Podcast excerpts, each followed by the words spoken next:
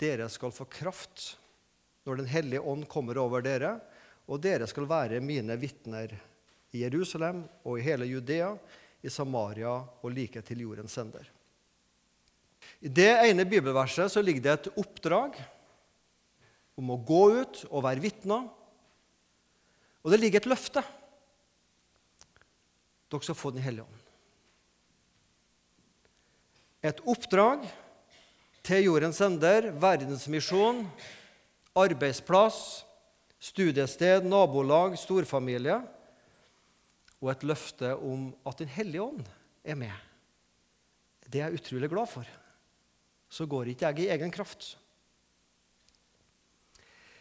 Det er en felles erfaring. Jeg er ganske sikker på jeg kan si alle har gjort denne felles erfaringa uten at jeg kjenner ditt liv. At eh, jeg skulle, burde, måtte ha sagt mer om Jesus. Denne slavedriveren skulle, burde, måtte. Som liksom er i hodet og hjertet hele tida. Jeg skulle, burde, måtte mer for Jesus. Og så gir han meg dårlig samvittighet. Og så har jeg gjort noen dårlige opplevelser, noen pinlige situasjoner, noen misbrukte anledninger og masse av tapsfølelse. At åh, jeg lot den anledningen der også gå fra meg. Kjenner du deg igjen? Jeg har til gode å møte en kristen som sier det der med å vitne om Jesus er ingen problem. Føler meg aldri nervøs. Sliter aldri med det. Det, det kommer bare så naturlig. liksom. Det, det bare flyt over. Jeg har ikke møtt sånne, og kanskje ikke du heller. Jeg skulle gjerne vært mer sånn, ja. Men vi har en felles opplevelse at vi syns det er vanskelig det der med å vitne om Jesus. Hvis det er noe trøst for deg, så også vi som får noe penger inn på en konto en gang i måneden, syns det der er vanskelig. Ja. Er det hjelp å få? hjelp? Er det hjelp å få til det her med å vitne om Jesus? Ja.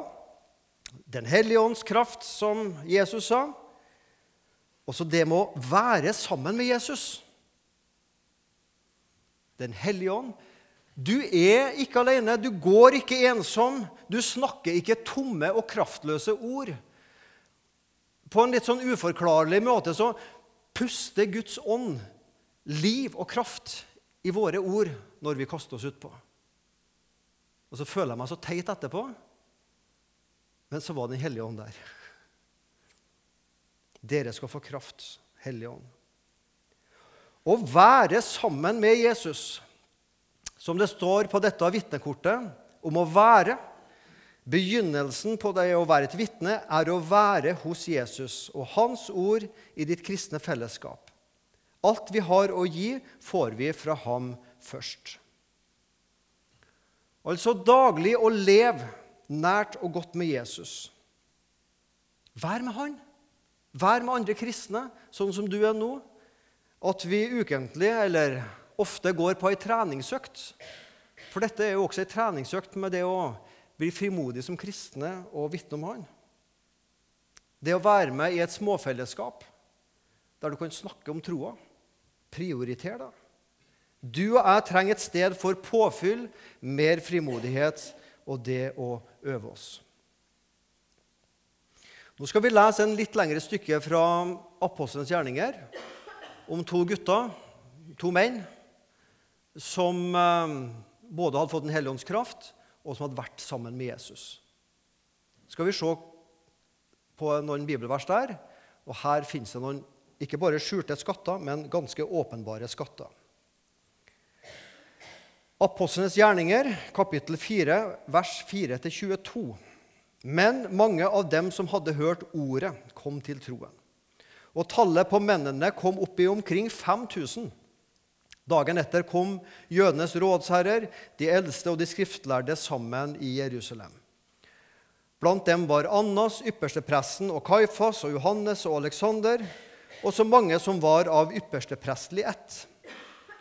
De stilte dem og dem her, det er Peter og Johannes, fram midt iblant seg og spurte, ved hvilken kraft eller ved hvilket navn har dere gjort dette? altså helbredelsen av en lam mann, som det står om i kapittel 3.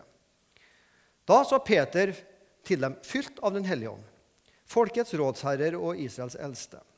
Når vi i dag blir forhørt på grunn av en velgjerning mot et sykt menneske, og skal svare for hva han er blitt helbredet ved, så la det være kunngjort for dere alle og for hele Israels folk at ved Jesu Kristi Nazarens, navn, han som dere korsfestet, han som Gud reiste opp fra de døde, ved ham står denne mannen helbredet foran øynene deres.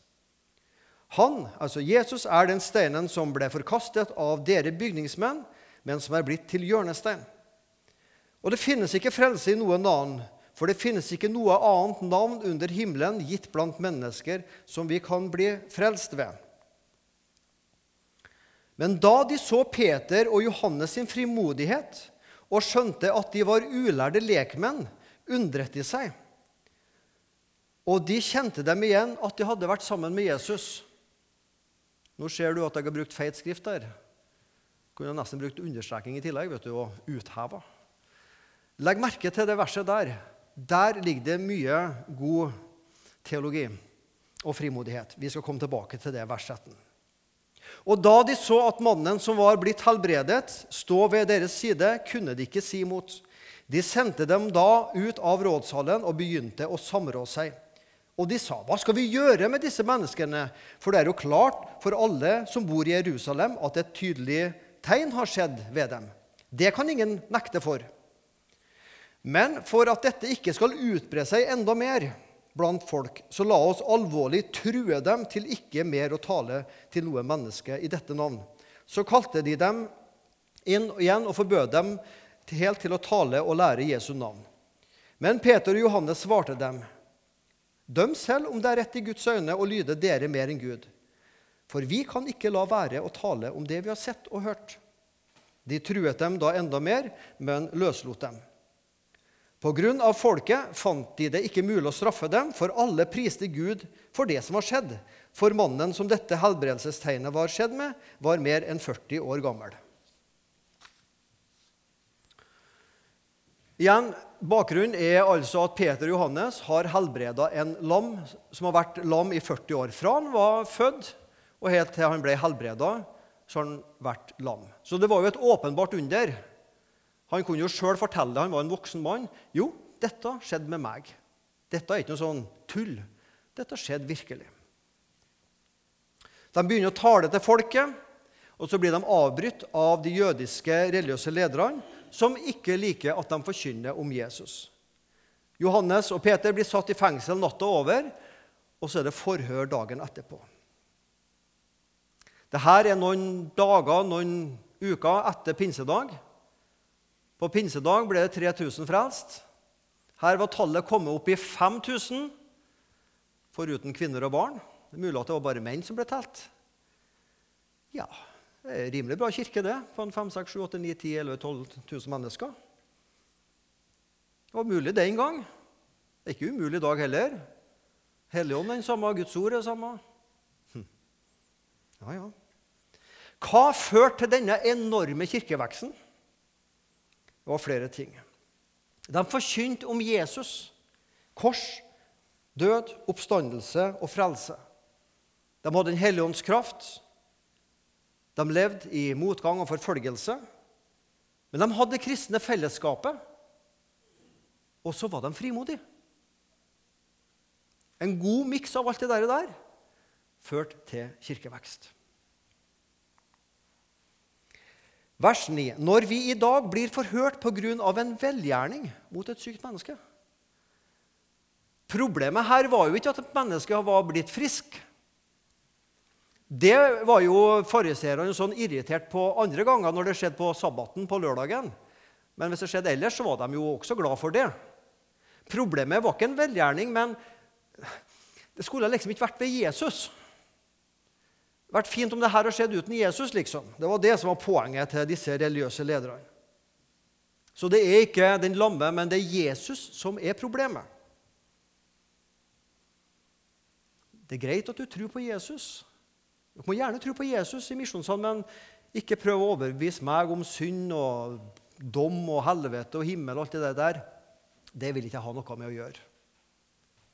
Folk sier det ikke så direkte, kanskje, men Jeg tror ikke folk er imot at kristne samles, men, men la meg slippe, for meg la meg slippe Jesus og ha noe med han å gjøre. Også i dag så skaper Jesu navn irritasjon, motstand, sinne. Folk kan anerkjenne og godheten som gjøres i kristne kirker og bedehus og organisasjoner. Det er flott, det som Frelsesarmeen og alle andre gjør, men, men, men, ikke kom det her med Jesus, da. Ikke begynn å snakke om synd og omvendelse og tro. Det er når Jesu navn kommer inn, problemet skapes. Det er ikke frelse i noen annen. Det finnes ikke noe annet navn gitt under himmelen, gitt blant mennesker, som vi kan bli frelst ved. Her møter du kristendommens absolutt. Det er kun Jesus. Dette er et absolutt. Det står ikke til diskusjon. Det er ikke noe vi skal stemme over, ta opp i et kirkemøte eller på en generalforsamling. Skal tro om det er noe i tillegg til Jesus.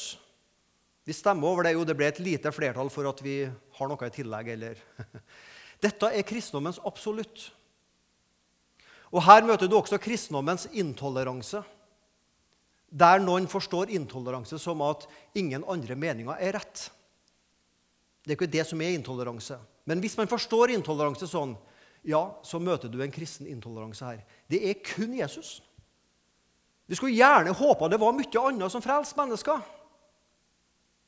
Men det er kun Jesus. Peter sier det er kun Jesu navn. Og Paulus det er kun ved tro alene på Guds nåde. Jesu navn alene, ved tro alene.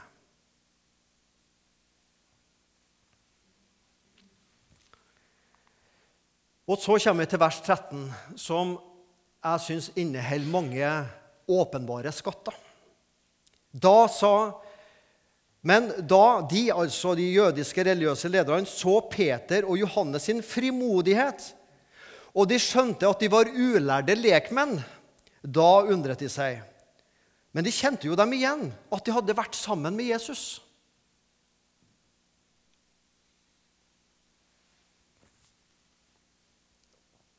Hadde jeg bare kunnet mer, hadde jeg bare vært mer frimodig, hadde jeg bare, hadde jeg bare Så skulle jeg ha vitna mer om Jesus. De var ulærde lekfolk. Og Nå har jeg hatt den gleden i livet å studere teologi. Gleden i livet å studere teologi. Og da lærer du gresk. Og Nå skal du få litt gresk her. Ordet for ulærd er agrammatos, altså ikke-grammatisk. De kunne ikke grammatikk, altså. De kunne ikke lese og skrive og alle disse tingene her. De var ulærd, de var agrammatiske. Og så var de lekmenn. Og Det ordet som på gresk brukes på lekmenn, det er jo rett og slett ironisk. Det er idiot. Lekmenn i flertallet er idiotes. De var ulærde idioter. Misjonssambandet er så glad for vi er en lekmannsbevegelse. Idiotbevegelsen. Men det er faktisk det som står på grunnteksten. De var idioter. Det er klart, I vår tid så legger vi noe annet inni idioter enn de gjorde den gangen. Men den gangen så var det jo dem som var ulærd og ikke kunne grammatikk og ikke var eh, spesialister. De var lekfolk. Menigmann. Idiotes. Og så hadde du spesialistene som kunne, som var lærd, som kunne Moseloven og filosofi. Og hvis de i tillegg bodde i en by, det var polis, da var de politikere. Det var de lærde som kunne noe. Så her stiller altså Peter Johannes opp som ikke to nyttige idioter, men som ulærde idiotes lekmenn.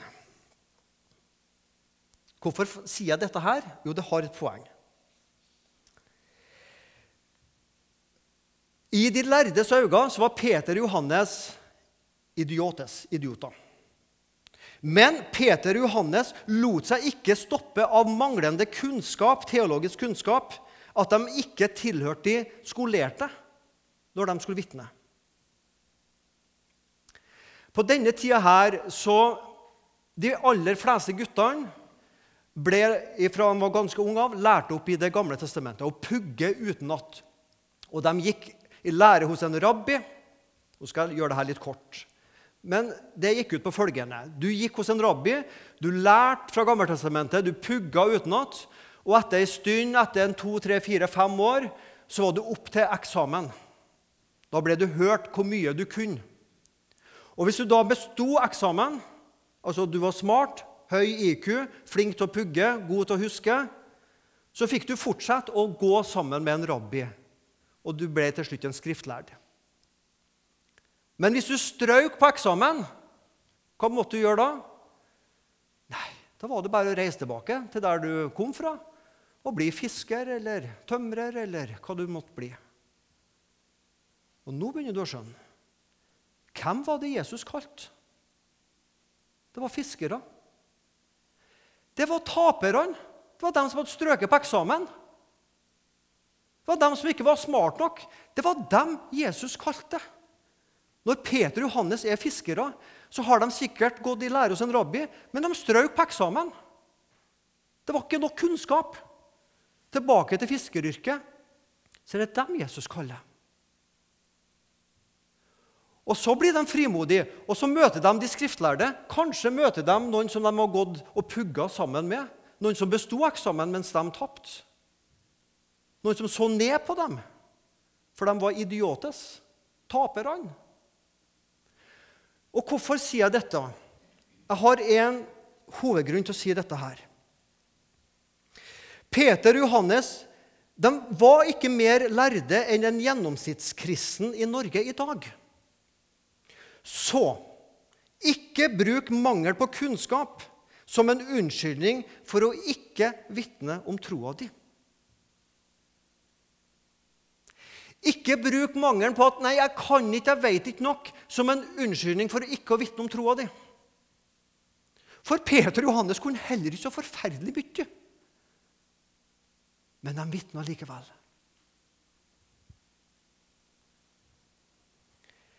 Skaff deg gjerne kunnskap. Gå gjerne et halvt ett år på bibelskole og alle disse tinga. Selvfølgelig. Men jeg vil si at fra hjerte til hjerte taler sterkere enn fra hode til hode. Det du har opplevd med Jesus i ditt hjerte, det kan ingen ta fra deg. Og det taler sterkt. Dette har jeg opplevd sammen med Jesus, hos Jesus. Og så er det noen av oss som har lært litt teologi og forhåpentligvis husker litt etter en del år, og kan også være med på noen teologiske samtaler. Altså har man både fra hode til hode og fra hjerte til hjerte sammen, så er jo det bra. Men mitt poeng er ikke unnskylde med at du ikke kan nok. For har du møtt Jesus og erfart han, så har du mer enn nok til å vitne. Det hadde Peter og Johannes, idioter som de var.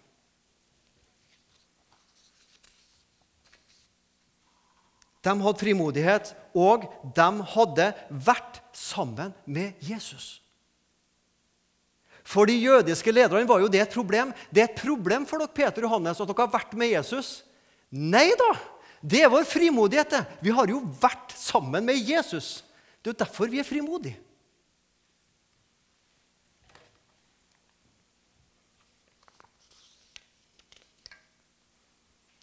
For snart et år siden så møtte jeg de tre damene der på Kypros. De er opprinnelig fra Iran. Persere som har kommet til tro på Jesus. De, deres liv er å spille inn kristne TV-program som sendes inn til Midtøsten og til Iran. Persisk kristen TV unge mennesker i sin beste alder som stiller seg fram på TV-en.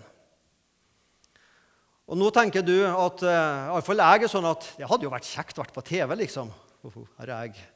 Noen av oss er kanskje litt mer sånn og vil gjerne fram enn andre. Vi kan kjenne oss igjen der.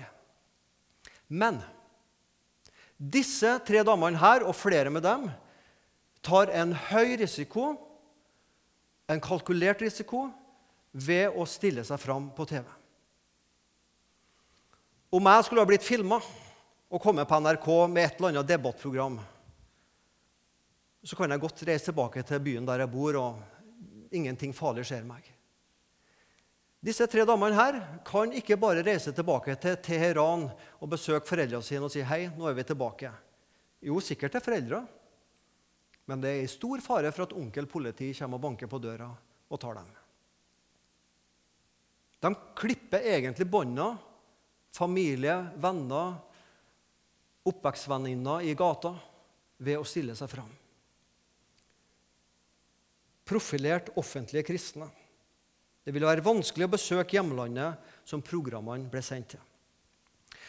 Lederen for Sat7, eh, den persiske delen av Sat7 til Iran, han sa følgende på denne konferansen jeg var på. Han snakka om disse som stiller seg fram. Så sier han ikke bare tar de denne omkostningen ved å stå fram som kristne, men de gjør det med glede. Ikke bare tar de denne risikoen ved å skjære av bånda til der de kommer fra. Og personer non grata, som det heter. Du får ikke komme inn i landet.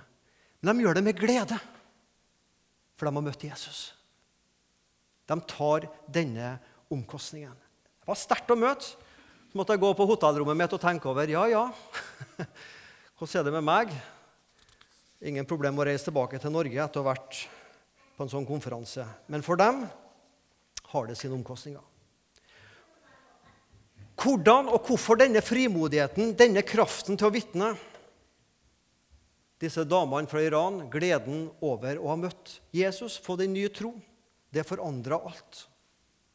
Da sa Peter til dem, fylt av Den hellige ånd, står det i det vi las. Disse damene, Peter, Johannes og vi, vi har fått Ånden. Vi er tilført noe utenfra. Og du har fått et vitnesbyrd, kraften i vitnesbyrdet inni deg, fra hjerte til hjerte. Det er det sterkeste våpenet. Ikke bruk mangel på kunnskap som en unnskyldning for å ikke vitne om Jesus.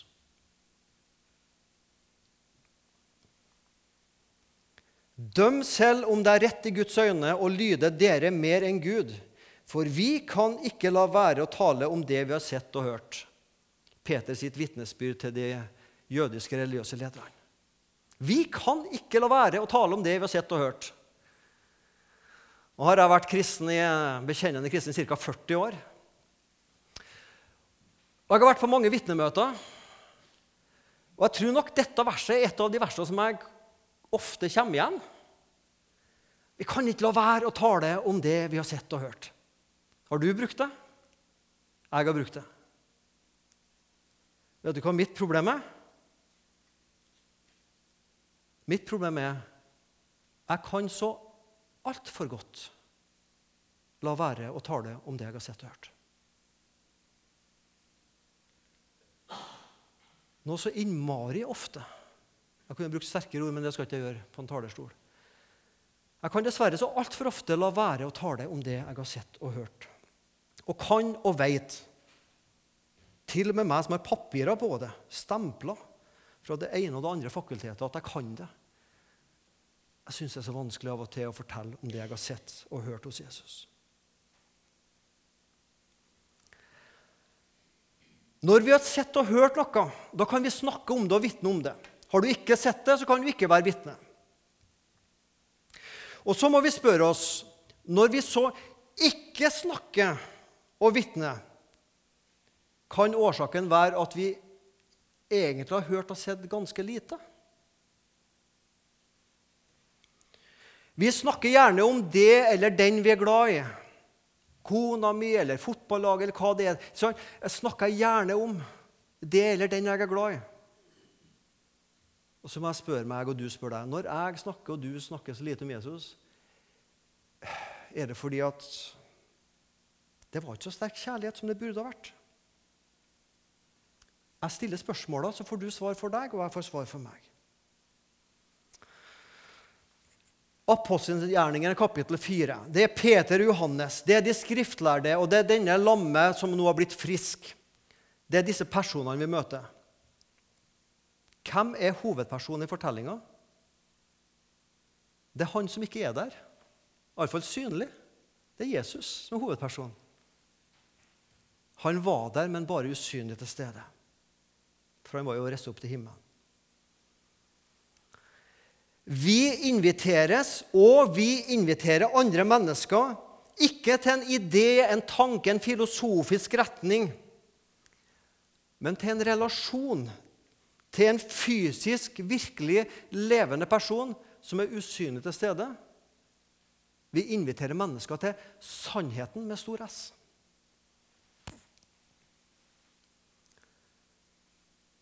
Jeg tror mange av oss opplever, Hvis vi snakker med ikke-kristne mennesker om troa, så kommer ofte dette spørsmålet Hva mener du eller hva mener dere om det og det og det og det? og det? Hva mener du om?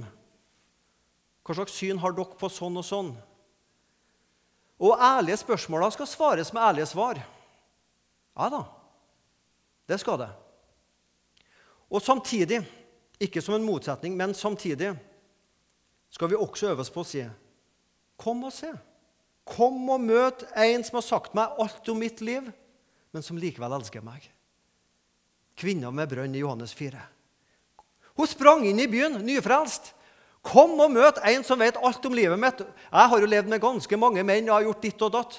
Han kjenner alt, og han elsker meg likevel. Kom og møt han.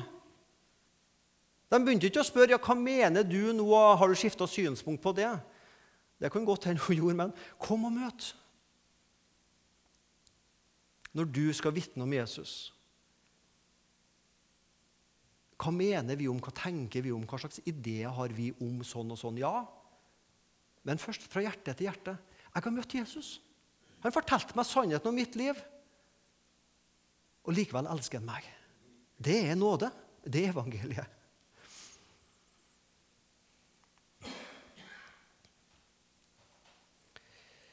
Jeg skal avslutte med å si litt om det her med å være sammen med Jesus i hverdagen. For det var noe med eh, hemmeligheten for eh, Johannes og Peter. De hadde vært sammen med Jesus. Og det hadde de jo, da. De ble kalt av Jesus i fiskebåten. De fulgte etter. De så de gjerningene Jesus gjorde. De hørte de ordene Jesus talte. De ble lært opp, og de ble utrusta til tjenesten til å være hverdagskristne. Og så er jeg frista til å si ja, det var jo lett for Peter og Johannes, vet du, som var med Jesus. Jeg kan ikke se Jesus, jeg kan ikke ta på Jesus, jeg kan ikke snakke med Jesus som vi kan snakke og drøse etterpå. Kan vi ikke? På samme måten de var mye mer heldige, Peter og Johannes. Ja, det er riktig delvis. Og Da må vi ikke glemme at Peter og Johannes, iallfall Johannes, som ble ca. 100 år, han levde fleste av sine år etter Jesus ikke var på jorda. Han kunne heller ikke si til folk at 'bli med meg, så skal du møte Jesus'. For Jesus var jo dratt opp til himmelen. Jo da, han hadde jo tatt på noe snakka med han. Og Det er derfor Johannes skriver i sitt første brev. Han starter med å si det som var fra begynnelsen, eller han som var fra begynnelsen. Det vi har hørt, det vi har sett med våre øyne, og det vi så på og våre hender tok på, om det bærer vi bud om livets ord. Jeg har hørt det. Jeg har sett den. Jeg har til og med tatt på den. Han er reell. Han er virkelig. Det er ikke noe noen av oss dro ei, på, ei, helg på hytta og fant på noe nytt og religiøst rart opplegg. Altså. Det er virkelighet. Det er sannheten. Jeg har sett det, jeg har hørt det, jeg har tatt på det. Kan vi se, høre og ta på? Ja. Johannes og Peter de er jo på en måte heldigere enn oss, for de opplevde Jesus. Men vet du, på en annen måte er vi mye heldigere enn Peter og Johannes. Vi har hele Bibelen, hele Paulus sine tolkninger. Og vi har massemedia som gjør at vi kan omgi oss med Guds ord 24 timer i døgnet. Ingen problem. Jeg kan høre om Jesus 24 timer i døgnet om jeg vil. Hvis jeg klarer å holde meg våken.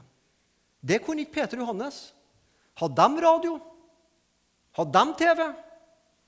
Hadde de podkast? Hadde de MP3-spillere? Ingen av disse tinga. Hadde de en ferdigskrevet bibel? Ja, de hadde Gammeltestamentet. Vi har en mye større tilgang til Guds ord og være sammen med Jesus så ofte vi vil, enn Peter og Johannes hadde. Så det er ingen unnskyldning. Ja, men vi kan ikke se og høre Jesus. Jo visst kan du det. Du har Bibelen. Kan bla opp inn når du vil. Jeg kan se og jeg kan høre. Jeg kan sette på Petro, jeg kan sette på gode podkaster, jeg kan hva det vil. Hele døgnet. Fylle på hele tida. På en helt annen måte enn Peter og Johannes. Jo, men vi kan jo ikke ta på Jesus. Nei, men Gud kommer og tar på oss. Han har gitt oss sakramenter, han har gitt oss dåpen der han kommer til oss. Han har gitt oss nattvern der han fysisk, konkret kommer til oss. Han har gitt oss sitt ord som vi kan lese. Ta på Guds ord. Og så har Jesus bedt oss å berøre i overført betydning da, å berøre andre mennesker. Ikke sant? Ikke gå og klappe på alle hele tida, men å være i nærheten av ikke-kristne mennesker og berøre andre mennesker med vårt budskap. Sånn at vi, vi er Jesu hender som tar på andre mennesker med vår tro. Hvordan kan vi være med Jesus i hverdagen, sånn at dette ikke blir luftig? Massemedia, du har det tilgjengelig. Bibel, en liten bibelstund hver eneste dag. Les noen vers, les et kapittel. Bønn. Det å gå og småsnakke med Gud. Noen er laga sånn at de helst vil ha veldig tydelige bønnestunder. Nå skal jeg ha 20 minutter i bønn. Og ære være for det. Andre er mer på at det å gå og småsnakke med Gud gjennom hele dagen. Nå ser du ungene mine og lurer på hvordan de har det på skolen. og blir de mobba fordi de er kristne? Gud, og uff, du ser det vanskelig å være på arbeidsplassen, og det er sånn og sånn. og Skal jeg si ja til den tjenesten? Gud, hva tenker du om det, Gud? Hvordan skal jeg forholde meg til det og det?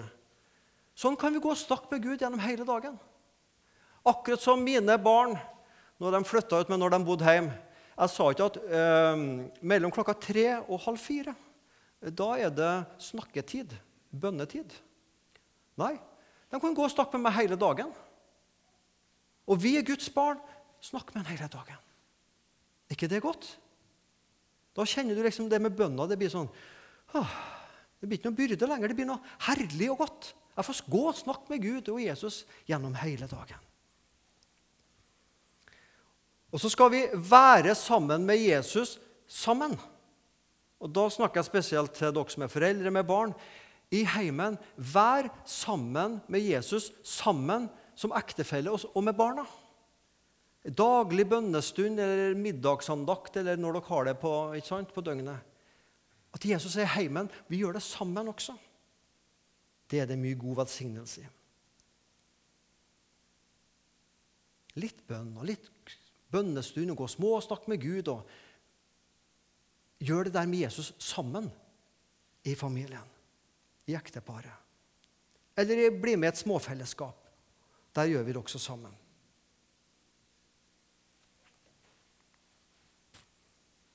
Kast ikke fra dere frimodigheten, for den gir stor lønn.